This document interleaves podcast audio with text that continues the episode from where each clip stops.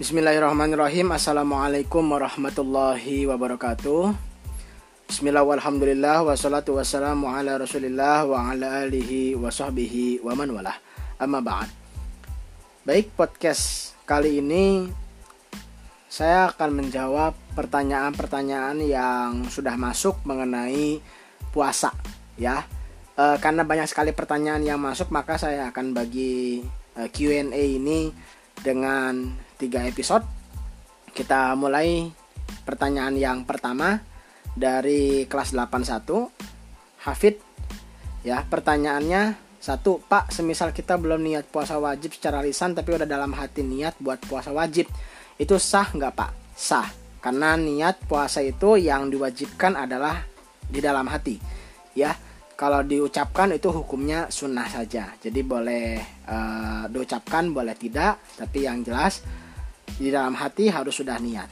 Yang kedua saat kita lagi puasa lalu nonton TV ternyata di TV ada wanita yang berpakaian minim.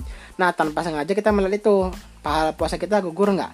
Uh, gini kalau misalnya melihat hal-hal yang diharamkan kemudian melihat itu secara tidak sengaja maka itu belum dihukumi apa-apa. Tapi kalau misalnya sudah sengaja itu maka uh, baru dihukumi misalnya.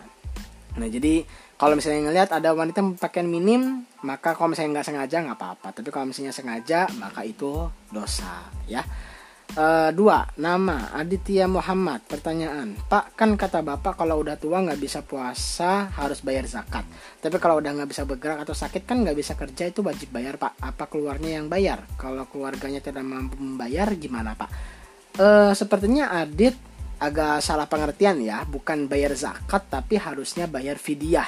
Ya udah tua dan dia nggak bisa puasa syaratnya itu. Dia sudah berumur sudah tua kemudian nggak bisa puasa atau dia pikun jadi dia uh, udah lupa kalau dia harus puasa. Nah boleh bayar fidyah. Nah terus nggak bisa bergerak atau sakit. Nah kalau sakit itu bukan bayar fidyah namanya tapi harus mengkodok puasanya. Jika uh, sudah sembuh maka silahkan mengkodok. Ya kalau keluarganya nggak mampu membayar fidyah bagaimana? Kalau keluarganya nggak mampu membayar, maka itu dibebankan kepada uh, amil zakat. Artinya kan dia miskin ya, keluarga miskin, maka dia uh, harus uh, dizakati gitu loh. Bukan bukan lagi dia bayar zakat gitu, tapi dia harus menerima zakat karena dia nggak mampu membayar begitu ya. Kemudian nama selanjutnya Alisa. Pertanyaannya Pak puasa kode itu masuk wajib ya? Iya betul puasa kode itu hukumnya wajib karena mengganti puasa wajib. Terus berarti niatnya malam juga kayak puasa Ramadan pak? Ya. Nah pertanyaan keempat Rizky Febrian. Satu, hukum menjual makanan waktu siang Ramadan untuk orang kafir atau non muslim. Hukum menjual makanannya itu boleh-boleh saja. Asal kita pastikan betul e, makanan itu memang untuk orang-orang yang non muslim walaupun yang menjual adalah orang Islam begitu. Jadi di sini sebenarnya para ulama berkhilaf pendapat ya. Para ulama itu e, berbeda pendapat. E, ada yang mengatakan tidak boleh karena itu termasuk kepada menolong e, maksiat gitu loh. Karena nanti takutnya ada orang Islam yang ikutan makan juga. Nah, tapi kalau misalnya e, kita lihat konteksnya sekarang maka tetap e, kalau saya sih berpendapat boleh saja gitu karena e, kita bisa memastikan bahwa itu adalah orang non muslim yang tidak berpuasa. Kemudian berpuasa, kemudian berpergian ke negara-negara yang terlambat puasa darinya. Apakah berpuasa 31 hari? Uh, Sebenarnya gini, jadi kita itu ikut puasa di uh, apa tempat kita tinggal atau lihat tempat kita uh, berada gitu loh. Kalau memang misalnya kita berpergian kepada negara yang terlambat puasanya, maka kita ikuti puasa di uh, tempat itu. Kalau tempat itu ternyata udah waktunya berbuka ya kita ikut berbuka gitu loh. Tapi kalau tempatnya itu waktunya kita masih puasa, maka tetap berpuasa. Seperti itu saja. Ya jadi patokannya adalah apakah sudah waktu berbuka atau masih waktu berpuasa, bukan e, harinya berapa hari begitu ya. Nah, kemudian selanjutnya pertanyaan kelima Doli Akbar. Pertanyaan dalam satu kali ihram itu maksudnya melakukan haji dan umroh dalam waktu yang sama, Pak. E, gini. Jadi ketika menjelang haji dan umroh itu ada syarat yang pertama dia harus melakukan ihram. Ihram itu adalah memakai pakaian ihram. Ya, jadi ketika memakai pakaian ihram itu ada larangan-larangan yang dia tidak boleh melanggar itu, misalnya nggak boleh menikah, tidak boleh berhubungan suami istri, tidak boleh memburu hewan, ya, itu artinya dia dalam keadaan ihram karena dia memakai baju ihram yang dia hanya dua helai kain tanpa ada jahitan dan uh, apa dia dalam berniat untuk berhaji. Nah kemudian kalau misalnya dia uh, haji dan umroh dalam satu waktu maksudnya adalah satu kali ihram jadi dia tidak uh, tahalul istilahnya. Jadi kalau sudah selesai ihram, itu sudah selesai melaksanakan rangkaian peribadatan, ada istilah tahalul untuk membolehkan kembali hal-hal yang diharamkan ketika uh, sedang berihram. Tapi kalau misalnya melakukan haji dan umroh dalam satu kali masa uh, ihram, berarti dia tidak melakukan tahalul di tengah-tengah gitu. Misalnya dia haji, apa dia ihram, kemudian dia berhaji, dia tahalul, kemudian dia ihram lagi untuk umroh kemudian baru tahalul jadi tahalulnya cuma sekali. Jadi ihram haji umroh baru dia tahalul nah itu maksudnya adalah satu kali ihram. Pertanyaan keenam dari Kaila. Uh, pertanyaan pertama boleh nggak sih puasa ganti atau puasa kodo maksudnya kali ya di hari Jumat? Uh, gini pada dasarnya sebenarnya puasa di hari Jumat itu hukumnya adalah makruh. Kenapa? Karena hari Jumat itu adalah hari raya umat Islam yang sifatnya mingguan. Jadi dimakruhkan untuk berpuasa di situ. Kalau bisa berpuasa di hari-hari yang lain, misalnya hari Senin sampai Kamis atau hari Sabtu Minggu misalnya gitu. Jadi jangan uh, puasanya hanya di hari Jumat saja. Tapi kalau misalnya kita mengganti tiga hari nih, ya hari Kamis, Jumat, Sabtu, boleh nggak? Boleh. Asal gini, hari Jumat itu tidak tidak menyendiri puasanya, tidak hanya di hari Jumat saja, tapi di hari sebelumnya, hari Kamis, kemudian Jumat kemudian Sabtu gitu. Atau misalnya hari Jumat dan Sabtu saja gitu loh. Jadi jangan sendiri puasa di hari Jumat gitu loh. Menyendirikan puasa dari Jumat itu ya.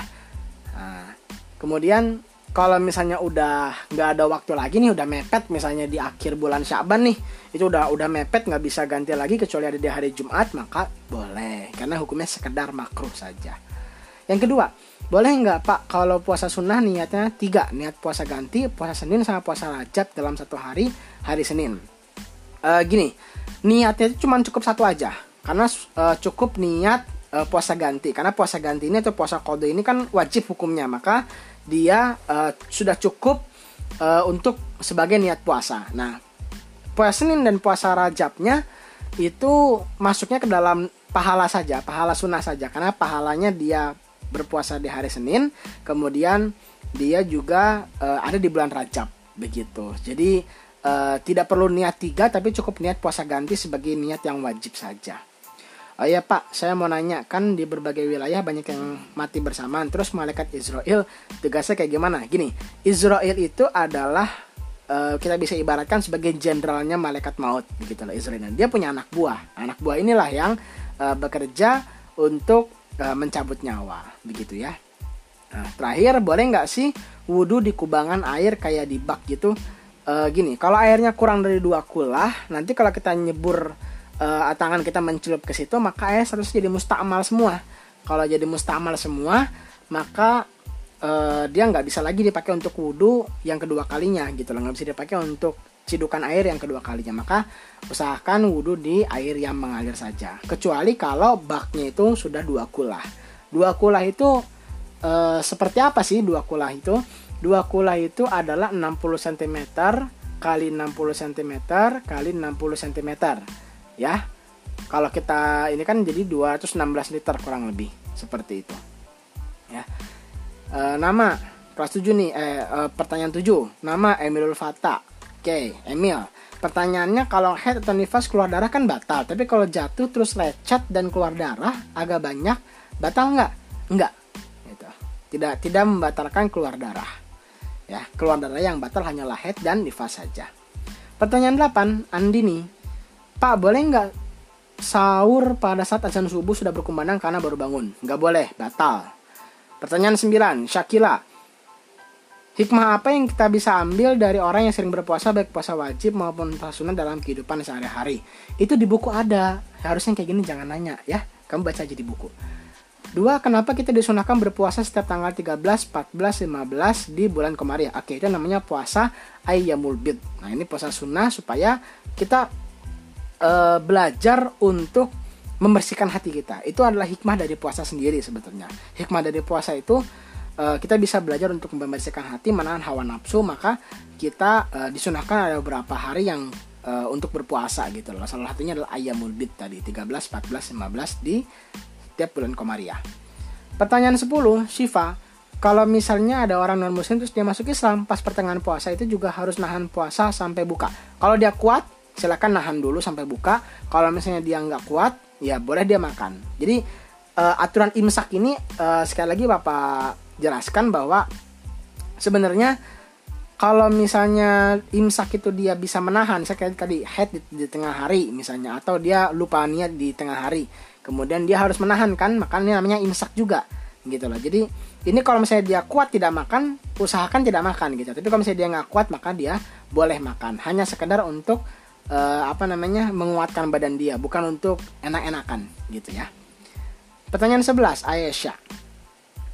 Misalkan yang perempuan mau ganti puasa, tapi ganti puasanya setengah hari habis itu lanjut lagi. Boleh nggak tidak pak? Kayak gitu. Ya kalau ganti puasa setengah hari itu bukan puasa jadi nggak dihitung ya. Jadi harus full gitu loh. Nggak boleh setengah hari setengah hari. Emangnya anak SD pertanyaan 12 dari Aslam. Misalnya punya hutang puasa tapi hanya ingin menggantikannya dengan amal fidyah. Walaupun masih mampu mengkodok puasanya boleh apa enggak? Tidak.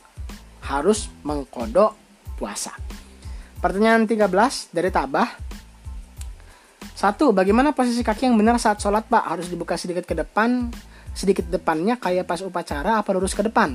Soalnya saya pernah dengar dari ustadz yang benar itu lurus ke depan. E, gini, posisi sholat itu kaki itu harus e, kaki kiri dan kaki kanan itu sejajar dengan bahu kiri bahu kanan. Jadi jangan dibuka terlalu lebar, jangan juga di e, apa himpit terlalu sempit gitu loh. Jadi dibukanya cukup seukuran bahu saja gitu loh. Kemudian harus lurus ke depan gitu loh lurus ke depan ya artinya lurusnya semampunya saja gitu. Lurusan. Dah harus lurus tok tapi lurus semampunya gitu. Dua kalau kita sehari-hari puasa tuh tidur terus takut lapar sama haus itu gimana pak? Yang bener. E, gini harusnya kita ketika puasa itu jangan sampai e, kebanyakan tidur ya gitu loh. Kita bisa melakukan ibadah ibadah ibadah-ibadah yang ringan yang kira-kira kita membuat kita nggak terlalu lapar dan nggak terlalu haus begitu. Tapi kalau emang tidur itu bisa uh, kita nggak lapar nggak haus ya boleh-boleh aja gitu loh. Tapi jangan terlalu banyak tidur. Pertanyaan ketiga karena sekarang lagi marak covid-19 kan jadi banyak orang nggak sholat ke masjid berjamaah. Nah saya pernah mikir kenapa orang-orang nggak sholat berjamaah di masjid demi corona? Lebih takut dengan corona daripada Allah.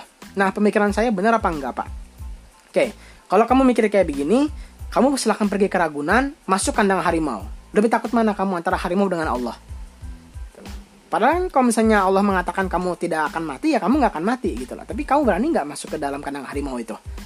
Ya bapak sih bisa bilang kamu nggak akan berani gitu lah. Karena gini, sebenarnya bukan takut corona gitu loh. Kenapa nggak sholat Jumat, nggak sholat berjamaah?